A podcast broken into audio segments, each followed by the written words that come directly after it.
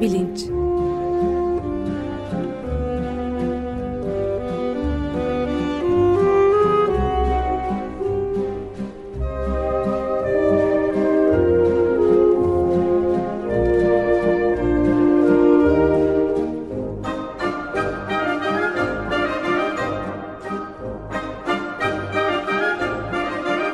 Güven Güzeldere ile bilim ve felsefe sohbetleri. Günaydın Güven Bey, merhabalar. Günaydın Ömer Bey. Günaydın. Günaydın Özdeş. Ee, bugün canlı yayında bir konuğumuz var. Ersin Kalaycıoğlu profesör. Ve seçim konuşacağız herhalde. Siz takdimini yapar mısınız? Evet, e, tabii. E, hoş geldiniz Ersin Bey. Hoş bulduk efendim. Bugün felsefi konulardan biraz daha dünyaya inmiş olacağız zannederim. Ee, somut, somut bir takım şeyler üzerinden konuşmak durumundayız. Buyurun. Evet, hoş geldiniz Ersin. Merhabalar, hoş geldiniz. Hoş bulduk. E, Profesör Ersin Kalaycıoğlu, siyaset bilimci, Sabancı Üniversitesi'nde öğretim üyesi.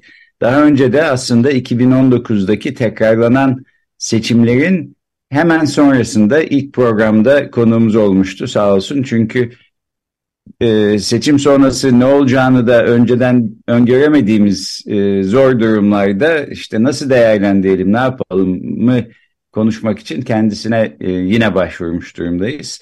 Şimdi bugün e, yani bir tek gündemden bir şeyi e, söz konusu etmeyelim diye daha genel anlamda ben biraz cumhuriyet nedir bir rejim olarak demokrasiyle ilişkisi nasıldır filan bunlara da biraz değinelim istiyorum ama yeni bir seçimden çıktık. Bugün de canlı yayındayız çünkü Türkiye'de 24 saat bile siyaset için belki dünyada her yerde çok uzun bir zaman olabiliyor.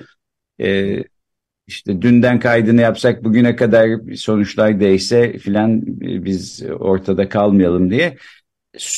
Dolayısıyla seçim hakkında kısa bir değerlendirmeyle başlasak belki en iyisi olur. 16 Mayıs Salı günü sabahı itibariyle bu kritik sistemin ardından Ersin Hocam siz durumu nasıl görüyorsunuz? Şimdi e, tabii bizim seçime bakış açımız e, siyaset bilimcilerin biraz farklı. E, bu seçim e, bir sultanizm rejimi olan 2017-16 Nisan'da kurulmuş olan e, o günkü halk oylamasıyla e, hayata geçirmeye başlanılan ve 2018'in 24 Haziran seçimleriyle e, vücut bulan e, bir rejimin ikinci seçimi. 2018 birinci seçimiydi, 2023 ikinci seçimi. Bu seçim demokratik bir seçim değildir. Bunu göz önünde bulundurmanız lazım. Demokratik seçimleri tanımlarken seçimlerin 1950 yılında yapmış olduğumuz e, seçimi göz önünde bulundurarak mesela Türkiye için tanımlayabiliriz. O zamanki iktidar ve muhalefetin üzerinde anlaşmış olduğu özgür ve adil seçim.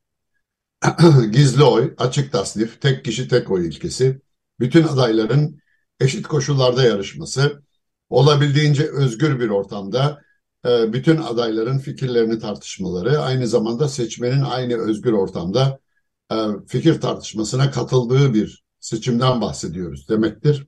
Böyle bir seçimde. Oysa Türkiye 2023 itibariyle dünyada yapılan karşılaştırmalarda örneğin Varieties of Democracy 2023 raporunda bu Göteborg Üniversitesi'nde siyaset bilimcilerin itibar ettiği bir temel karşılaştırma e, indeksi yayınlamaktadır demokrasi üzerinde. Türkiye'yi 179 ülke arasında 141. sırada bir seçime sahip olan otokrasi olarak tanımlıyor. Ve dolayısıyla ee, bizden biraz daha iyi durumda bulunan e, Mısır var 140. sırada. 140. sırada da Rwanda var. Yani Türkiye'nin konumu dünyada görülen konumu, pozisyonu bu. Böyle çok e, güçlü bir konum değil. Demok e, aynı zamanda Perception of Elect Electoral Integrity Index diye bir çalışma yap yapılıyor. Harvard Üniversitesi'nden Pippa Norris ve Sydney'den Max Kromping'in e, başkanlığında. Bu indeksin 2019 e, seçimleri en sondur. Dolayısıyla o seçimler itibariyle Türkiye'deki pozisyonu 158 ülke arasında 112. sırada. 111. sırada Afrika'dan Malawi var. 113. sırada da Laos var. E, Hindi Çini'den. Onun arasında bir yerde seçim dürüstlüğü indeksindeyiz. Yani dürüst seçim yapamıyoruz. Demokratik bir ortamda seçim yapamıyoruz. Türkiye bir otoriter rejim ve giderek otoriterleşiyor. Tipik uygulaması siyaset sosyolojisi terminolojisinde bu Max Weber'in önerdiği Juan Linz ve Hişam Şehabi'nin daha sonra teorisini geliştirdiği sultanizm rejimi. Onun içinde neopatrimonyal bir sultanizm türü. Onun rejimi içinde bir demokrasi e, olmayan seçim yaptık. Şimdi e, bir bağlamı e, iyi koyalım. Siz daha genel olarak zaten yaklaşalım dediğiniz için ben de buradan yaklaşmayı e, yararlı görüyorum. Onun için buradaki argümanlar hemen iktidar, milli irade vesaire diye başladı ve bu şekilde devam edecektir. E, bu ortamlarda e, bu terminolojinin kullanılması biraz e, sorumludur her şeyden önce ve siyaset biliminde bu terminolojiyi artık kullanmıyoruz. Çünkü bunun doğru olmadığı Joseph Schumpeter'in 1942'de yazmış olduğu ünlü kitabı Kapitalizm, Sosyalizm ve Demokrasi'de ve daha sonra ünlü iktisatçı Kelsen'in Pure Theory of Law yani hukukun saf teorisi adlı kitabında ispatlamış olduğu şekliyle e, böyle bir e, algılama doğru değildir. Mantık hataları içermektedir ve demokratik olmaktan çok e, otoriter hatta totaliter örneğin Almanya'da Naziler tarafından çok kullanılmış bir içeriktedir. Dolayısıyla bu terminoloji terk edilmesi lazımdır. Burada piyasa mekanizması gibi bir mekanizmadan bahsedebiliriz.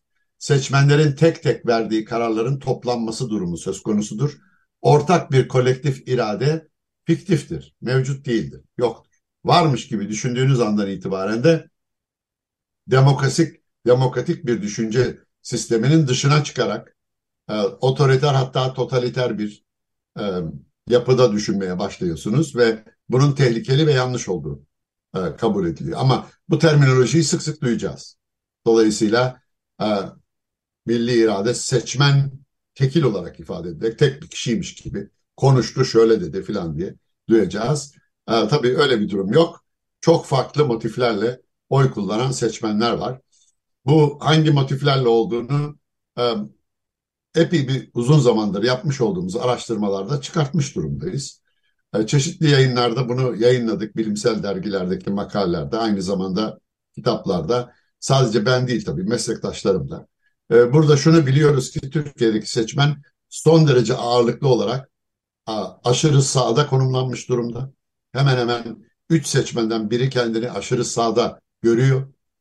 Aynı zamanda buranın değer sistemi mukaddesatçı bir, bir e, din anlayışı, gayet muhafazakar bir din anlayışı e, ve aynı zamanda etnik milliyetçilik anlayışından derin bir şekilde etkileniyor. Onun duyarlılıkları üzerinden düşünen ve oradaki kimlik e, e, kimliğin yaratmış olduğu bir değer sistemi e, prizmasından dünyaya ve kendine ve toplumuna bakan bir kitleden bahsediyoruz.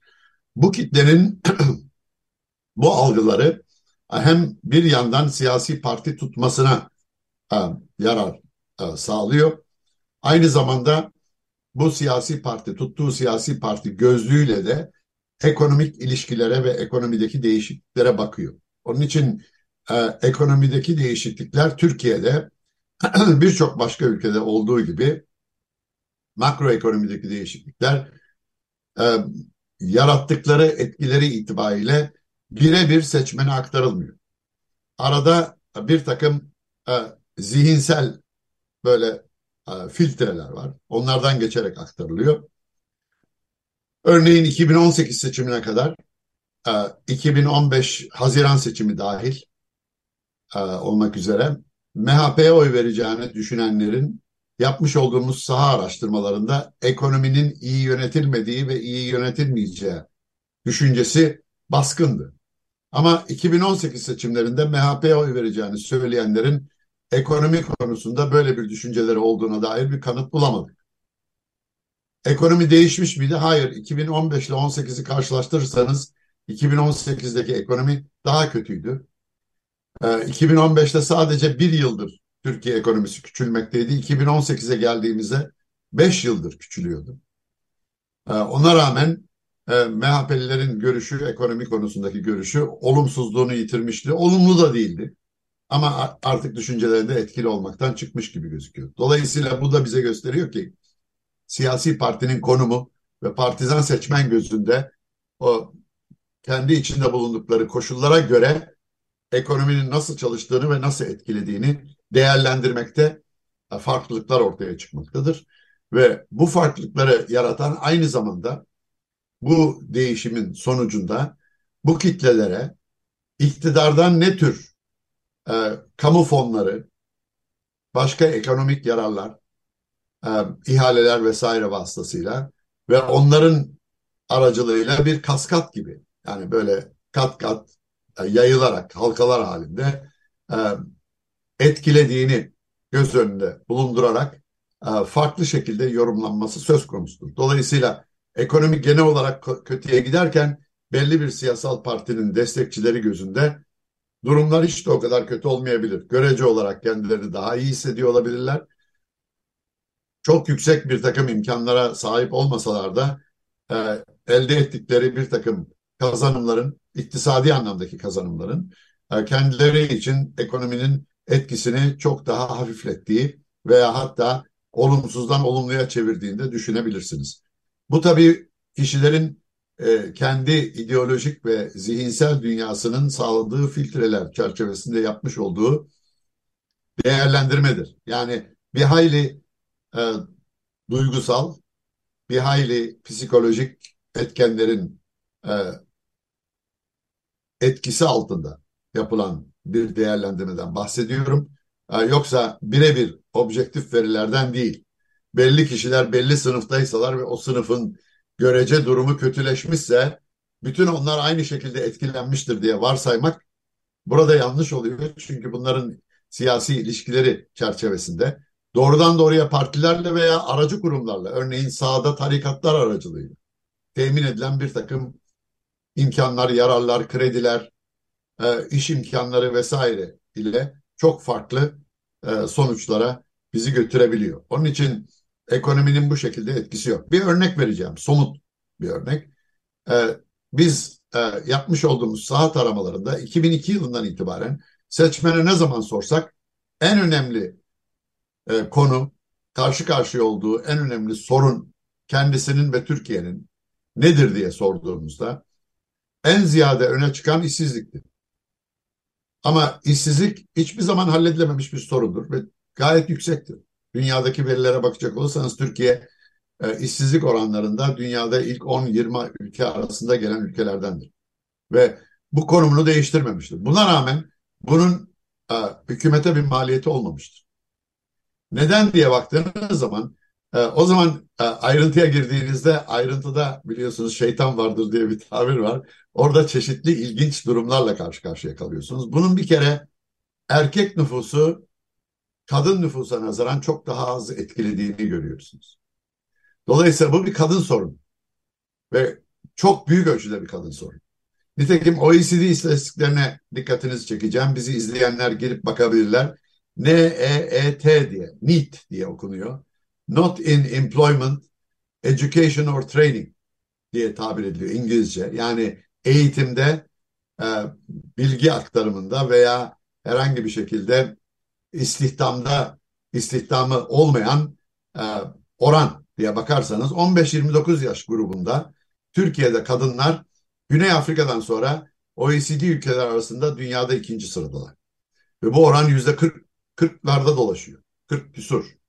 İlk baktığımızda 2017 verileriydi. Yüzde 44 ile birinci sıradaydık. Güney Afrika rapor edilmemişti o sırada.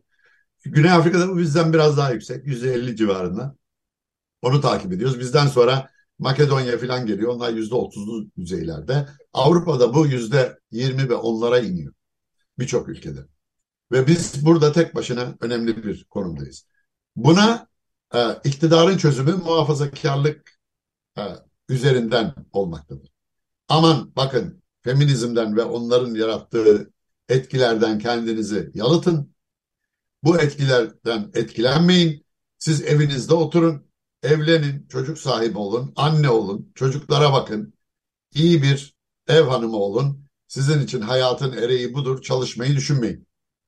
Bunu satın alan kadınların çok sayıda olduğuna işe yönelim araştırması diye bir araştırmada Ali Çarkoğlu ile birlikte yaptığımız raporu İstanbul Politikalar Merkezi'nde mevcut. Bizi izleyenler gelip oradan raporu okuyabilirler. Orada verileriyle gösterdik. Kadınların çok büyük çoğunluğu bu e, öneriyi makul buluyorlar ve takip ediyorlar. He, her eğitim düzeyinde. O da enteresan. Yani en üst düzeyde eğitim almış da olsa dahi, e, lisans eğitimi, lisansüstü eğitimi almış olsa dahi çalışmaktan çok evde oturup anne olarak yoluna devam etmek, çocuk bakmak vesaire üzerinden. Ve dolayısıyla bunların e, iktidarın kendilerini işsiz bırakması nedeniyle bir hesap sorma durumları söz konusu değil. Başarıyla bunu çözmüş durumda. Onun için ekonomik verilere bakarak bunlar siyasete nasıl etki ediyor, seçmenin fikrini nasıl belirliyor diye baktığınız zaman bu süreci etkileyen birçok değişkeni göz önünde bulundurarak e, çözümleme yapmanız ve ona göre bir sonuca vararak yorumlamanız gerekiyor. İşsizlik yükseliyor dolayısıyla hükümetin oyu azalacak. Evet Amerika Birleşik Devletleri'nde böyle oluyor. E, İngiltere'de de böyle oluyor. Fransa'da da böyle oluyor. Japonya'da da bu şekilde bir etkisi var. Avustralya'da da var. Ama Türkiye'de yok. Çünkü bu biz aşırı sağın egemen olduğu bir e, zihin dünyasında yaşıyoruz. Muhafazakarlık önemli. Dindarlık önemli. Sünni dindarlık ve muhafazakarlık önemli. Onun yaratmış olduğu değerler önemli. Onun yaratmış olduğu kadın, anne vesaire figürleri ve aile değerleri önemli. Ve bunun üzerinden mesajlaşmaların etkisi seçmen üzerinde gayet yoğun. Ve bu yoğunluktan e, filtre edilerek geçen bu veriler e, etkisini beklendiğinden çok daha az gösteriyormuş gibi duruyor.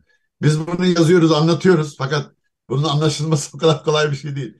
İnsanlar biraz da umutlanmak istiyorlar. Verilere bakar bakmaz aa şöyle filan diyorlar. Şimdi bu aynı şekilde ekonomideki fiyat artışı, pahalılık, yoksullaşma son derece kritik boyutlara ulaştı.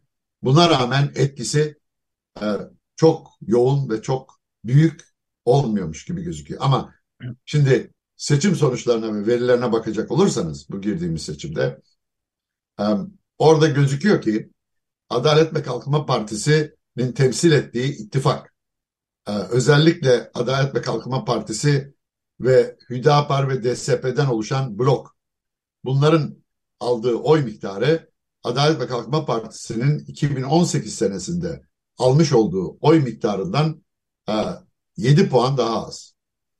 MHP ile birlikte düşünecek olursanız o zaman 8 puan daha az. Çünkü MHP'de yüzde %11.2'den yüzde 10.14'e düşmüş gibi gözüküyor. Eğer e, bu geçici veriler doğruysa tabii. Verilerin bir kısmı 2018 YSK resmi verileri, öbür kısmı gazetelerde yayınlanan e, muhtemelen değişecek olan e, bugünkü veriler. Yani MHP'de ufak bir azalış varmış gibi gözüküyor bir puan kadar. Ama ona karşılık Adalet ve Kalkınma Partisi'nin e, temsil ettiği blokta 7 puanlık bir azalma var. E, şimdi burası bu az buz bir azalma değil. Yani sonuç itibariyle e, 7 puan e, %7'si 60 milyon civarında seçmen olduğuna göre 4 milyon 4,5 milyon seçmenden bahsediyoruz. Bir e, e, azalmadan bahsediyoruz. Geçen seferki rakamı alırsanız 56 milyon e, yine onun %7'si 4 milyona yakın yapıyor. 3,5-4 milyon. E, bu az bir e, miktar değil ama yeterli değil. Yeterli olmadığı için Türkiye e, bu e, sultanizm rejimindeki demokratik olmayan seçimlerle e, sultanizmi değiştirebilecek bir ivme yakalayamadı. Dolayısıyla meclis... Ben bir şey sorabilir miyim? Tabii buyurun. Ee, ya bu seçim değerlendirmelerinde en çok e, şu anda benim de merak ettiğim şeylerden bir tanesi bu Z kuşağından bahsediliyordu. Yani seçimlere katılım ne kadar yüksek olursa bu Z kuşağının biraz daha bu değerlerin sanki uzağındaymış gibi bir e, anlatı hakimdi. Daha böyle muhalefete eğilimli gibi e, anlatılıyordu. Seçim sonuçlarına bakıldığımızda böyle bir bu genç seçmenin bir fark e, yaratmış olduğunu görüyor muyuz yoksa bu bir bu da mı biraz abartılı bir yorumda en başından beri? Tabii tabii başından beri abartılı. Ben her konuşmamda karşı çıktım bu görüşe. Hı hı. Gençlerin siyasal katılması bütün dünyada azdır. E, yaşlıların da aynı şekilde azdır. Yani e, 65 yaş ve üzeriyle 25 yaş ve altına bakacak olursanız bunlar en az katılan seçmenlerdir. E, seçime katılma en ziyade orta yaşlarda oluyor hem kadın hem erkek için. Burada böyle yükseliyor. Yani bir şöyle çan eğrisi diye adlandırıyoruz. E, böyle bir ortada yükselen iki uçtaki iki kuyrukta e, azalan bir trend var. E, o trend içindeyiz. E, buradaki e, seçmenlerin davranışında çok büyük bir değişiklik olması söz konusu değil. Bunu gösteren verileri verilere ulaşmak da çok zor. Kaldı ki bizim yapmış olduğumuz e, veri çözümlemelerinde yani 1990'ların başından 2018'e kadar elimizde toplanmış veriler var. Onlara baktığımızda gençlerin davranışının anne babalarından çok farklı olduğunu gösteren bugüne kadar bir kanıt yok. Böyle bir şey olsa yani bir, bir tür devrim olacaktı Türkiye'de. Öyle bir devrim olduğunu gösteren bir kanıt da yok e, temel itibariyle. Öyle bir kayma da yok. Aynı zamanda katılmanın çok yüksek olduğu ve muazzam sayılara erdiği filan iddiaları e, görüldü. Bunlar da izlenimsel gördüğüm kadarıyla. Çünkü geçen seçimdeki YSK verilerine bakarsanız katılma oranı yüzde 88 yurt içi oylarda. E, şu anda yurt içi oylardaki katılma oranı e, bugünkü gazetelerde okuduğum kadarıyla yüzde 86 küsur olarak hesaplanıyor. E, bir tanesi 88 deniyor. 88 ise aynı oran. 86 ise hafif düşmüş gibi gözüküyor. Yani sonuç itibariyle bunlar çok yüksek katılma oranları. Hani bunun yüzde 88'den hani çıksa çıksa belki yüzde 92, 94 falan olurdu. Öyle bir kanıt yok elimizde. Böyle bir artışla e, sebep olacak bir olayla karşılaştığımızda görmüyoruz. 2018'de ne kadar yüksekse şimdi de o kadar yüksek. E, bunda bir değişiklik söz konusu olmamışa benziyor. Ama dağılım farklı olmuş olabilir. Şimdi şu anda bilmediğimiz ve yayınlanmayan örneğin e, deprem bölgesinde kaç insan oy kullandı? E, bu veriler daha henüz yayınlanmadı. Yüksek Seçim Kurulu yayınlayacak. O zaman göreceğiz. Burada kaç kişi e, geri döndü? Kaç kişi vefat etti? E, kaç kişi kayıp? Bütün bunların hesabını tutup e, örneğin bugün sosyal medyada epey bir mesaj dolaşıyor. Ölüler acaba bizim bıraktığımız deprem bölgelerinde oy kullandılar mı diye bilmiyoruz bunun cevabını henüz. Yayınlanırsa rakam e, bunun, bu, bunun bu konuda bir şüpheye e, düşebiliriz. E, orada daha ayrıntılı e, işte e, nüfus kayıtları şunlar bunlar nasıl görülebilir bilmiyorum. Bakılması lazım ama bu illerde birçok yerde e, önemli nüfus kayıpları oldu. 3 milyon civarı olduğu tahmin ediliyor bu bölgeden göçen ve aynı zamanda ahirete göçenlerin toplamı. Dolayısıyla böyle bir ortamda hani bunların bir kısmı gençtir. Daha henüz oy verme çağında değil çocuktur falan. Onları düşerseniz e, belli bir e, sayıda seçmen nüfusu diyelim ki 2,5 milyon falan azalmış olması gerekir. E, buradaki veriler 2018'de bu sayıların aynı olması durumunda kim bu oy verenler diye sorma hakkına sahibiz tabii.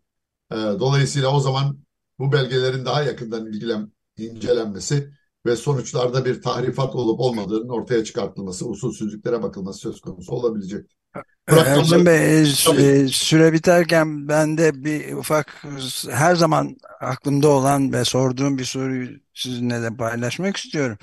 Bu genel tabloda medyanın e, medya hakimiyetinin e, ve mesela Daron Acemoğlu'nun da e, Twitter'dan yazdı. Türkiye sadece Türkiye'de değil tüm dünyadaki demokrasiler için kötü bir haber olarak nitelediği bir noktada bu duruma gelinmesinde medyanın kontrolünün sansürün falan ne ölçüde etkili olduğunu düşünüyorsunuz diye kısaca cevaplamak bir mümkün. etkisi var tabii tahmin ederim. Bu sosyal medyanın da var insanların özellikle zihniyetine etki edecek onların duyarlılıklarını etki edecek mesajlar verilmesi. Bunu hem siyasiler yaptı hem siyasiler kendi kanallarında yaptı. Yani siz bu işte yoksulluğu, yolsuzlukları, yasakları, kurumsal yozlaşmayı falan bırakın. Bunlar önemli değil. Önemli olan e, işte milli birlik, beraberlik, işte teröristlerle beraber oy kullanma vesaire, aile değerleri, e, şunlar bunlar başka tarafa e, dikkati odaklamaya çalıştılar. Kültürel kimlikler üzerine ve zaten kültürel kimlikler üzerinden ayrıştırarak günah keçileri yaratıp böl yönet esasına göre yönetiyorlar. Yönetim esası esası bu. Onun için gayet canlı bir kültürel ayrışma, onun üzerinden çatışma.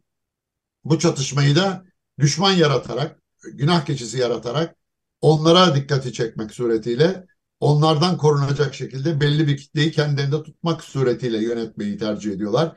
Oradan biraz fire vermiş durumda işte bu 7-8 gibi görebildiğim kadarıyla.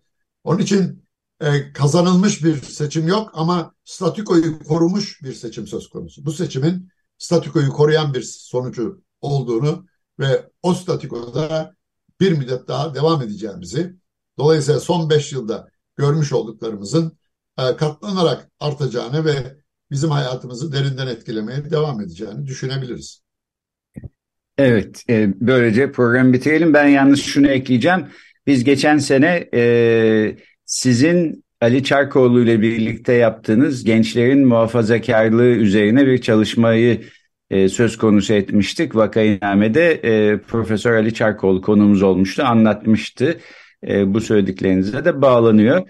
E, şimdi seçimle giden ama otokratik bir rejimdeyiz. E, ama işte seçimler şöyle ya da böyle her ne kadar seçim güvenliği endeksinde sürekli geriye düşsek de yapılıyor ve bunun meşruiyeti önemli kabul ediliyor. O zaman herhalde yapılması gereken bu sistemin içinde seçim yoluyla işte e, daha demokratik, daha özgürlükçü bir ülkeyi e, tesis etmeye sağlamak. E, siz de böyle diyorsunuz galiba. Ona çalışacağız. Bu çok yavaş değişen bir süreç. Zahmetli bir süreç çünkü Ömer Bey'in vurguladığı gibi sosyal medya ve medya burada çok etkin.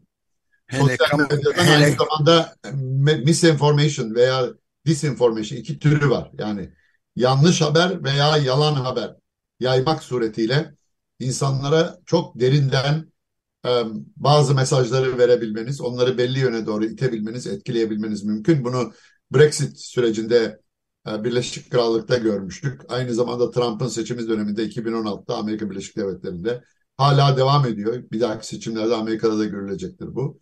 Yani bir takım komplo teorileri e, bu kitlelere kolayca yayılabiliyor ve buna inanma eğiliminde olan insanların da fikirlerini çok derinden etkileyerek belli bir tarafa doğru kaymalarını daha çok sayıda kaymalarını kolaylaştırabiliyor.